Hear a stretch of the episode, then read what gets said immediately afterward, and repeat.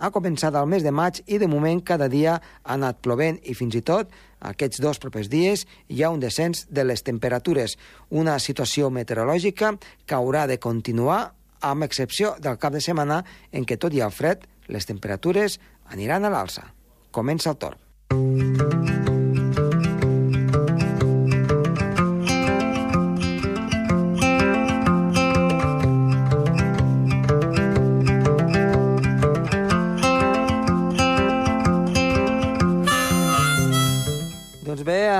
Aquest inici del torn parlarem, com no, del temps que ens espera per aquest cap de setmana i també parlarem una mica del polen i del vent, la formació del vent. A més a més, ens anirem cap al pol nord i pol sud per veure com ha estat l'hivern i l'estiu en aquestes zones. Som-hi!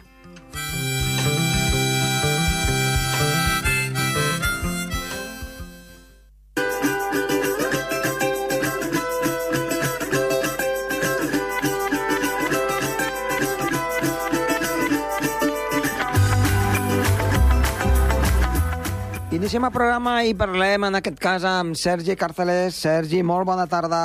Molt bona tarda. Eh, què ens portes aquesta setmana?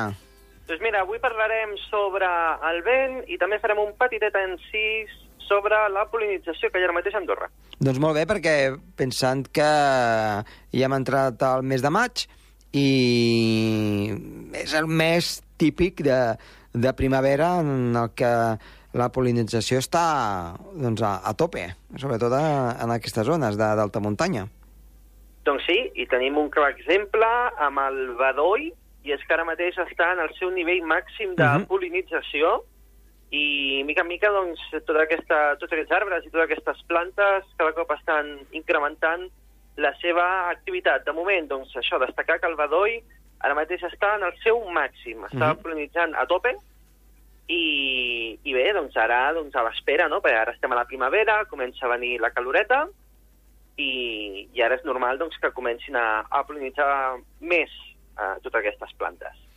També serà el temps aviat de, de les gramínies, no? que és el, el gran què de, de les persones al·lèrgiques. Quan comença a marxar la neu, especialment d'alta muntanya, als prats de, Sí, del país, no? De moment les gramínies estan en un nivell 2 de 5, uh Mhm. -huh. és a dir, encara estan en un nivell relativament baix, Mm. però bé, ja s'esperarà que quan incrementi tota aquesta calor, la neu vagi disminuint, etc, doncs serà quan, quan vagin pujant cada cop més. Mm -hmm. I ara, si et sembla bé, parlarem sobre el vent. El vent, molt bé. El vent és un fenomen que, bé, aquí al, al país afecta bastant, sobretot en alguns moments puntuals, i també en el pic de les muntanyes. Però anem a diferenciar diferents tipus de vents que existeixen. Uh, tots sabem de que el vent és aquest moviment de l'aire, però a altes velocitats, i que sentim com ens impacta a la cara o a qualsevol objecte. Però per què es forma el vent? El vent es pot formar per diferents coses, per, di- per diferents fenòmens. Uh, un d'ells, el principal, és per la diferència de pressió atmosfèrica. És a dir, ens hem d'imaginar un anticicló i una depressió. Un anticicló té unes pressions altes i tot aquest vent o totes aquestes pressions es distribueixen cap a l'exterior. En canvi, el, la depressió és una, una massa d'aire on la pressió atmosfèrica és més baixa i fa com d'efecte de remolí que absorbeix. Llavors, eh, sobretot als mapes, no, de, els mapes de superfície, eh, quan veiem que les línies, les isòbares, estan molt juntes entre elles, nosaltres sempre diem que fa vent. Per què? Perquè la diferència de pressió és bastant acusada en un espai bastant petit. Llavors s'intercanvia doncs, eh, una gran quantitat d'aire a, a velocitats bastant elevades. Això podríem dir que és el vent eh, sinòptic, el vent sinòptic. Uh -huh. En canvi, hi ha altres tipus de vents, per exemple, el vent orogràfic, que això passa a les muntanyes, i és que, ho creiem o no, el vent pesa, l'aire pesa. El que passa és que pesa molt poc. Però què passa? Que, per exemple, quan bufa vent eh, i puja cap a dalt de les muntanyes, amb aquest efecte de foent, no?, que a vegades comentem, eh, quan arriba al pic de les muntanyes i baixa, el seu mm, aire ja bastant més sec pesa i comença a baixar a grans velocitats. Uh, L'efecte foent, que a vegades es comenta a la- a l'alta la, muntanya, és aquesta, aquest increment del vent no? a, a, en, el, en el lloc de les serres Sí? i també l'augment de la temperatura. Aquest és un vent completament diferent, Mhm. però que té a veure molt amb l'orografia, amb el relleu. D'acord. I per acabar, també diríem que hi ha un altre tipus de vent, és un vent que es crea principalment perquè el planeta Terra gira. I és que encara que no ens donem compte nosaltres, el planeta Terra està girant contínuament sobre si mateix, aquest efecte de rotació, i el que fa és que hi hagin vents que siguin continuats en el planeta Terra, però estan, aquests vents, sobretot, estan a capes més elevades de l'atmosfera. Sí. Estem parlant de la circulació general atmosfèrica. Mhm. Són uns vents molt ràpids, Sí? i és que arriben a velocitats de fins a 500 km per hora, però clar, estem parlant de vents que estan per sobre de la troposfera. Mhm. Eh, com diem, doncs és un altre Per tant, tipus de vent. a quina- a quines alçades parlaríem? nosaltres- Perdó? de quines alçades parlaríem? Home, doncs estaríem parlant d'alçades superiors als 20 quilòmetres. Mhm. um, sobretot en el, en, en el, en, en el vocabulari meteorològic, no? Estaríem parlant de vents que estan uh, per sobre dels 100 hectopascals. Ja. És a dir, que la pressió atmosfèrica és molt baixa Mhm. i llavors estem parlant doncs, d'altures molt, molt elevades. Uh, són vents que fins i tot els avions no arriben Ja. a, Mhm. a impactar sobre, aquells, sobre aquells, aquelles masses d'aire tan ràpides. Sí que hi ha alguns que volen molt alt i poden arribar, Mhm. però la majoria d'ells doncs, encara volen suficientment baix perquè no els hi, perquè no els afecti. Mhm. I eh, que anava a dir, uh, el vent també, mm, vaja, sempre s'ha dit, no? Em, les diferents eh, pressions que hi han entre un anticicló i una, i una pertorbació també són un fenomen a tenir en compte, no?, a l'hora de d'incrementar aquesta, aquesta força del vent. Sí, sí, sí, sí. És el que comentàvem, no?, de les isòbares, Mhm. tot, aquesta, tot aquest fenomen que quan veiem un mapa sinòptic, si veiem que les isòbares estan juntes, quan més juntes estiguin, més vent farà. Que, que és una cosa que, sempre ens agrada recalcar, no? Quan, quan les obres estan prou juntes, eh, el vent, el vent bufa, bufa més fort, no? Però és justament això, no?, que, que estaves explicant, aquesta, aquesta diferència de pressió. També et volia demanar una cosa eh, Sí. amb, de, del Pol Nord, Pol Sud, dels famosos sí. vòrtex, eh, que suposo que aquí també, eh, una mica per fer un incís, eh, també el vent hi té molt a dir, no? Sí, el vent té molt a dir perquè uh, allà el vent és molt fort, uh, sobretot per la zona dels pols, és, hi ha com un petit, bueno, un petit, un gran remolí, Sí. no? És una circulació atmosfèrica que va donant voltes sobre ella mateixa i crea com una cúpula, com una capa, Mhm. en el que el que fa, sobretot, és evitar o permet de que l'aire fred sigui molt difícil de que a vegades se'n vagi cap a fora. Llavors, per això, els pols també tenen tant efecte de nevera, perquè normalment eh, hi ha una circulació general atmosfèrica allà, unes masses d'aire molt ràpides, que el que fan és evitar que tota aquesta massa d'aire freda surti cap a l'exterior, fa com de barrera. Sí que és veritat que a vegades es trenca això i llavors és quan tenim aquestes llengües d'aire fred, etc polars, que ens fan baixar la temperatura molt aquí. Però és el que a vegades hem comentat, no?, de l'efecte nevera que hi ha, hi ha en els pols, i això també és degut a la circulació general atmosfèrica, perquè si diem que el planeta Terra té un moviment de rotació, Sí. al final un dels eixos són els pols. Clar. Llavors allà doncs, el vent es queda més estancat. Uh -huh. Doncs, eh, Sergi, eh, molt bé, moltes gràcies avui per explicar-nos el fenomen del vent i t'esperem en una propera ocasió. Molt bé, que vagi bé. Adéu-siau.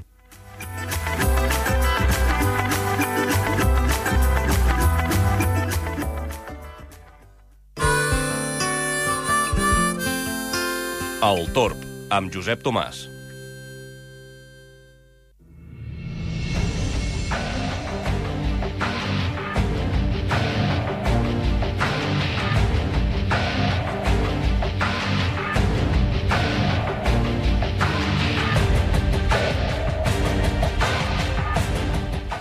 Doncs continuem amb el programa i en l'entrevista d'avui tenim a Miquel Cea. Miquel, muy buenas tardes. Hola, Josep. Buena tarda. Pues uh, Miquel uh, nos, nos, eh, siempre nos explica un poquito cómo ha ido en este caso o el invierno o el verano en los polos, polo norte, polo sur, para saber eh, pues si tenemos más o menos hielo marino. Eh, siempre eh, hacemos mención de su blog, el blog del hielo marino. Y hablamos un poco de la banquisa. En este caso vamos a empezar, si te parece bien, por la banquisa ártica. Eh, ¿Cómo ha estado este invierno? Porque a priori en los medios de comunicación eh, apuntaba que había sido muy, muy malo, pero yo no sé si es cierto del todo esto. Mm, no, no especialmente malo en el contexto de los últimos años. Uh -huh. eh, sí que es verdad que, bueno, si lo comparamos con lo que era habitual, pues hace 15 o 20 o 30 años, pues, pues sí que sería muy malo. Ya. Pero bueno, eh, comparando con los últimos 3 o 4 años, pues habría sido pues algo mejor. En concreto, un poco, eh, bueno, depende un poco según la fuente que usemos de datos, pero bueno, el máximo eh, se habría alcanzado a mediados de marzo con una extensión de aproximadamente 14 millones y medio de kilómetros cuadrados. Sí. Mientras que los últimos tres o cuatro años pues se había quedado eh, sin llegar o justo al filo de los 14 millones. Entonces uh -huh. estaríamos pues medio millón por encima de, de estos últimos tres o cuatro años. Eh, en concreto sería pues el séptimo año, el séptimo máximo más bajo eh, de la serie de observaciones por satélite, pues iniciada desde el 79. Entonces, bueno, una situación mala, pero pues, pues dentro del contexto de la última década, pues, pues tampoco especialmente mala. O sea, desde, mm, creo recordar, el 2012, que fue quizás el más malo. En 2012 es cuando se hizo el, se marcó el mínimo, el mínimo en el verano. Bajo. En el verano. Y, y, los mínimos, el, los máximos más bajos en invierno, pues ¿Sí? habían sido precisamente los últimos tres, cuatro años, uh -huh. eh, 2016, 2017, 2018. Vale, pues, entonces se, se, ha recuperado un poco. Eso, se ha recuperado un poco. Uh -huh. Uh -huh. Eh, vamos a hablar un poco por partes el porqué de esta recuperación y bueno, haremos un poco de análisis qué puede pasar en verano. ¿Qué te parece? Bien, sí, sí. Eh, vamos a ver, bueno, pues la recuperación sobre todo, bueno, comentándose un poquito en conjunto, este invierno ha sido en el Ártico, en el uh -huh. Ártico marítimo, en el Océano Ártico, eh, pues algo un poco más frío de lo que había sido pues estos últimos tres o cuatro inviernos. Que, que, ya hemos comentado que habían marcado pues los máximos más bajos y que se habían caracterizado pues por, por frecuentes irrupciones de, de, aire cálido desde el sur especialmente pues en la zona de las islas Svalbard y el mar de Barents y también en el otro en el otro extremo en el mar de Bering uh -huh. cerca del estrecho de Bering este año, pues en el mar de Bering. Bueno, es curioso porque el invierno empezó bastante bien allí, eh, ¿Sí? con la banquisa aumentando bastante rápido, pero luego en, a partir de finales de enero hubo un cambio brusco de las condiciones meteorológicas y, y durante las siguientes semanas, de forma muy persistente, eh, hubo mucho viento desde el sur, pues que arrastró la banquisa hacia el norte, hizo retroceder la extensión, eh, pues llevó también temperaturas más altas, descongelando algo de hielo, etcétera, y, y eso, bueno, pues en esa zona, pues pues al final ha sido también un invierno malo, igual que los dos anteriores, a pesar de, de que tuvo un inicio bueno. Comentaba también que, que, los últimos inviernos también se habían caracterizado por esa llegada, este mismo que he descrito un poco, ¿no? de flujos fuertes y continuos desde el sur, también en la zona de, en el sector atlántico, en la zona de las uh -huh. Svalbard y Barents. En cambio, este invierno en esa zona no, no ha ocurrido esto. Ha habido pues temperaturas más, más cercanas o lo habitual en el invierno ártico por allí. Eh, flujos dominantes de aire han sido más desde el norte, desde el interior del océano Ártico y, y bueno, pues allí la banquisa eh, pues ha avanzado bastante, hasta bastante cerca de, de lo que sería la media climática. Y, y, bueno, pues este contraste de, de, Bering mal como los años anteriores, pero el sector atlántico algo mejor que en los años anteriores, pues pues es el que ha provocado pues que en conjunto, digamos, pues bueno, haya habido esa ligera recuperación en cuanto a extensión. Eh, pa parece ser que cuando en un lado del, del planeta, en este caso del polo, eh, las cosas van mal, en el otro se compensa.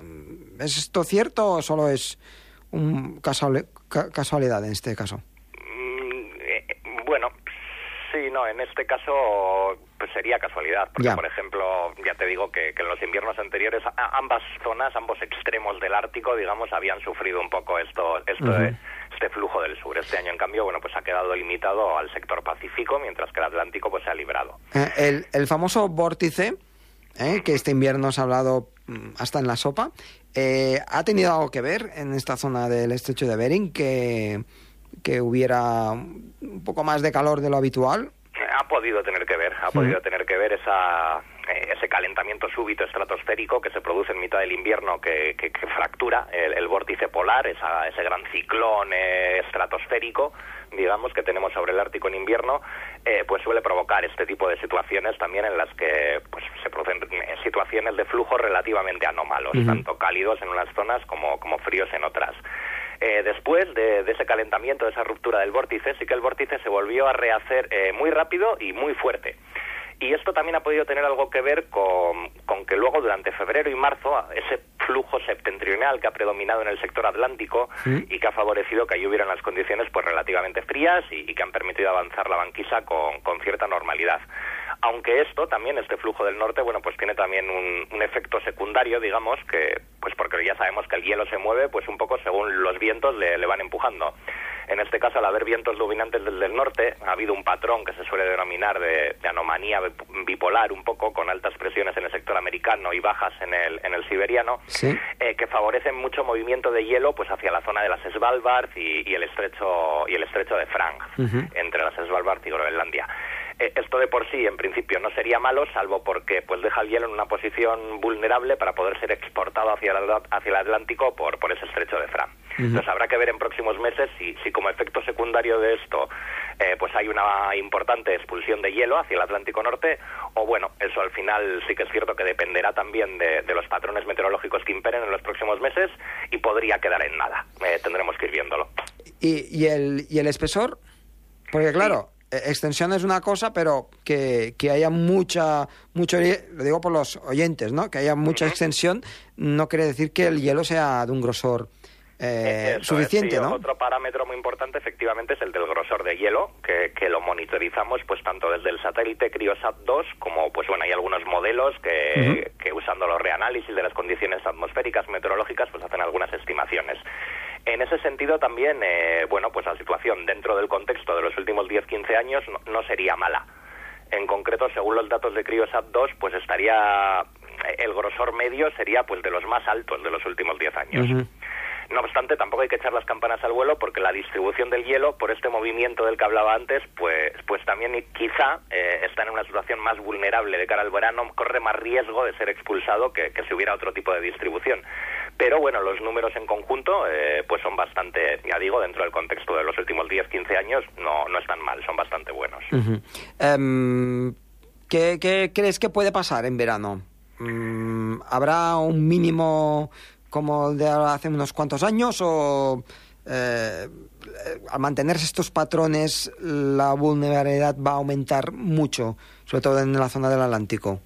Pues, pues vamos a ver, es complicado, solemos decir, es ya sabemos que es muy complicado hacer pronósticos fiables de cara al verano porque, pues bueno, va a depender mucho de, de, lo que pase en la atmósfera, de, si tenemos de, que predomine, eh, tanto pues eh, en cuanto a las temperaturas del aire que eso puede eh, propiciar, como en cuanto al movimiento del hielo y esa expulsión posible que hablamos, que, que es otro factor que también puede influir.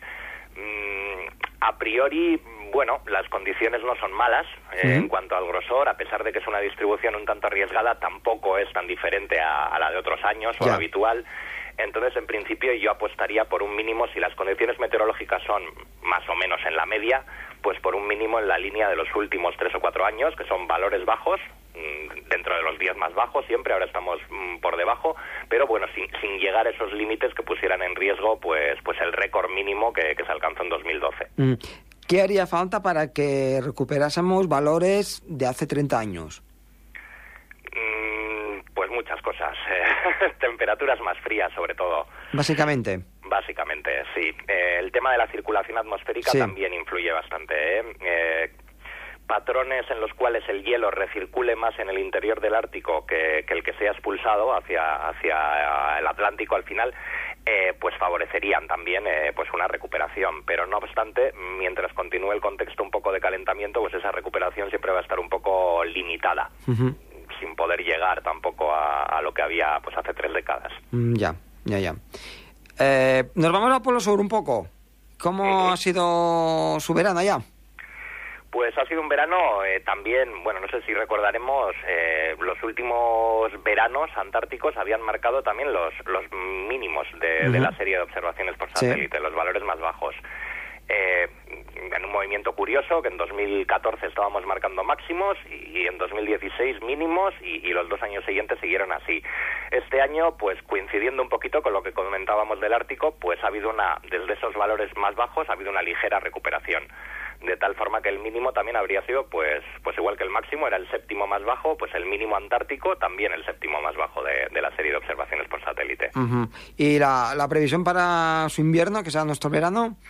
Pues complicado, complicado. complicadísimo de, de, de, decir. Habrá que ir viendo si, si se mantiene un poquito el patrón de estos últimos años, algo más bajo, o, o si vuelve a repuntar hacia valores altos habrá que ver. Estos valores en la Antártida parece que influye también mucho, bueno, pues la variabilidad atmosférica, en concreto sobre todo el sistema de bajas presiones semipermanente que hay en el mar de Amundsen, cerca de la península antártica, según va variando de, de intensidad, de persistencia, de posición relativa también, ¿Sí? Pues, pues se obtienen resultados bastante diferentes para, para el hielo, para la extensión de la banquisa al menos. Y bueno y eso de momento pues pues tampoco tenemos forma de predecir cómo va a ir exactamente. Así que pues toca esperar. Toca esperar viendo. un poco a ver a ver cómo cómo evoluciona. Eh, Miquel pues eh, nada te esperamos la próxima vez para que nos expliques cómo ha ido este este verano a ver si el hielo pues se mantiene. Y lo que decimos cada año ¿eh? que ¿Cuántos años eh, hemos, os ha dicho, de que ya no habría hielo en el Ártico y, y se mantiene?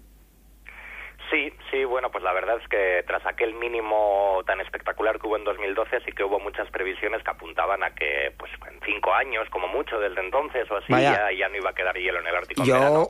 había oído y leído que el 2020, para poner una fecha, que ya no habría hielo prácticamente en mm. verano y bueno, y de momento pues lo sigue habiendo. Sí que es verdad que, que tras ese descenso tan, bus, tan brusco que hubo un poco ahí en, entre 2006 y 2012, uh -huh. pues después, bueno, pues se ha estabilizado durante esta durante lo que llevamos del resto de esta década y de momento bueno pues parece parece estabilizado. Uh -huh. pero bueno habrá que habrá que ir viendo qué, qué, es lo que sucede. Muy bien pues y tú qué nos los vas a explicar eh, Miquel muchísimas gracias y te esperamos para la próxima vez. Eh, encantado nada Venga, cuando quieras. Agur. Agur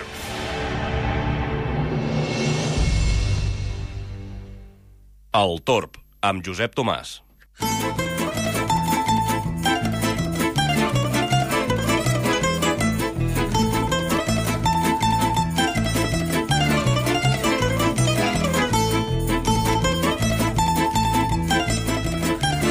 Bé, anem a veure quin temps ens espera per aquest proper cap de setmana. I és que, de fet, la situació meteorològica estarà encapçalada per eh, una situació doncs, eh, que poc o molt ha de ser molt més tranquil·la que no pas que hem tingut aquests darrers dies. Malgrat que dissabte, a partir de la tarda, sí que esperem que hi hagi alguna altra precipitació, molt poca cosa, amb temperatures que seran fresques o fredes, especialment a l'alta muntanya. Per tant, dissabte amb molt més sol que no pas aquests darrers dies, però encara una certa inestabilitat de tarda, molt poca, això sí.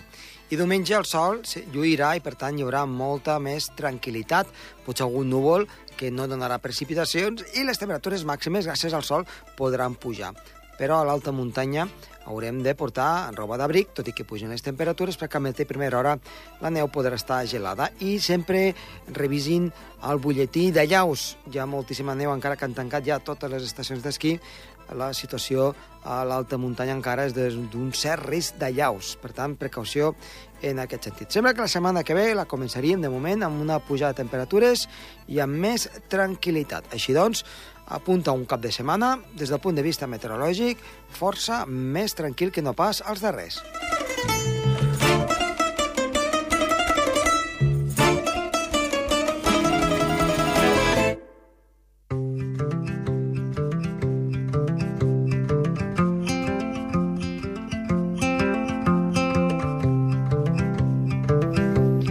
Doncs bé, acabem el programa, esperem que els hagi agradat. Està de les vies so Oriol Truix i que els ha parlat de molt de gust. Josep Tomàs, adeu-siau.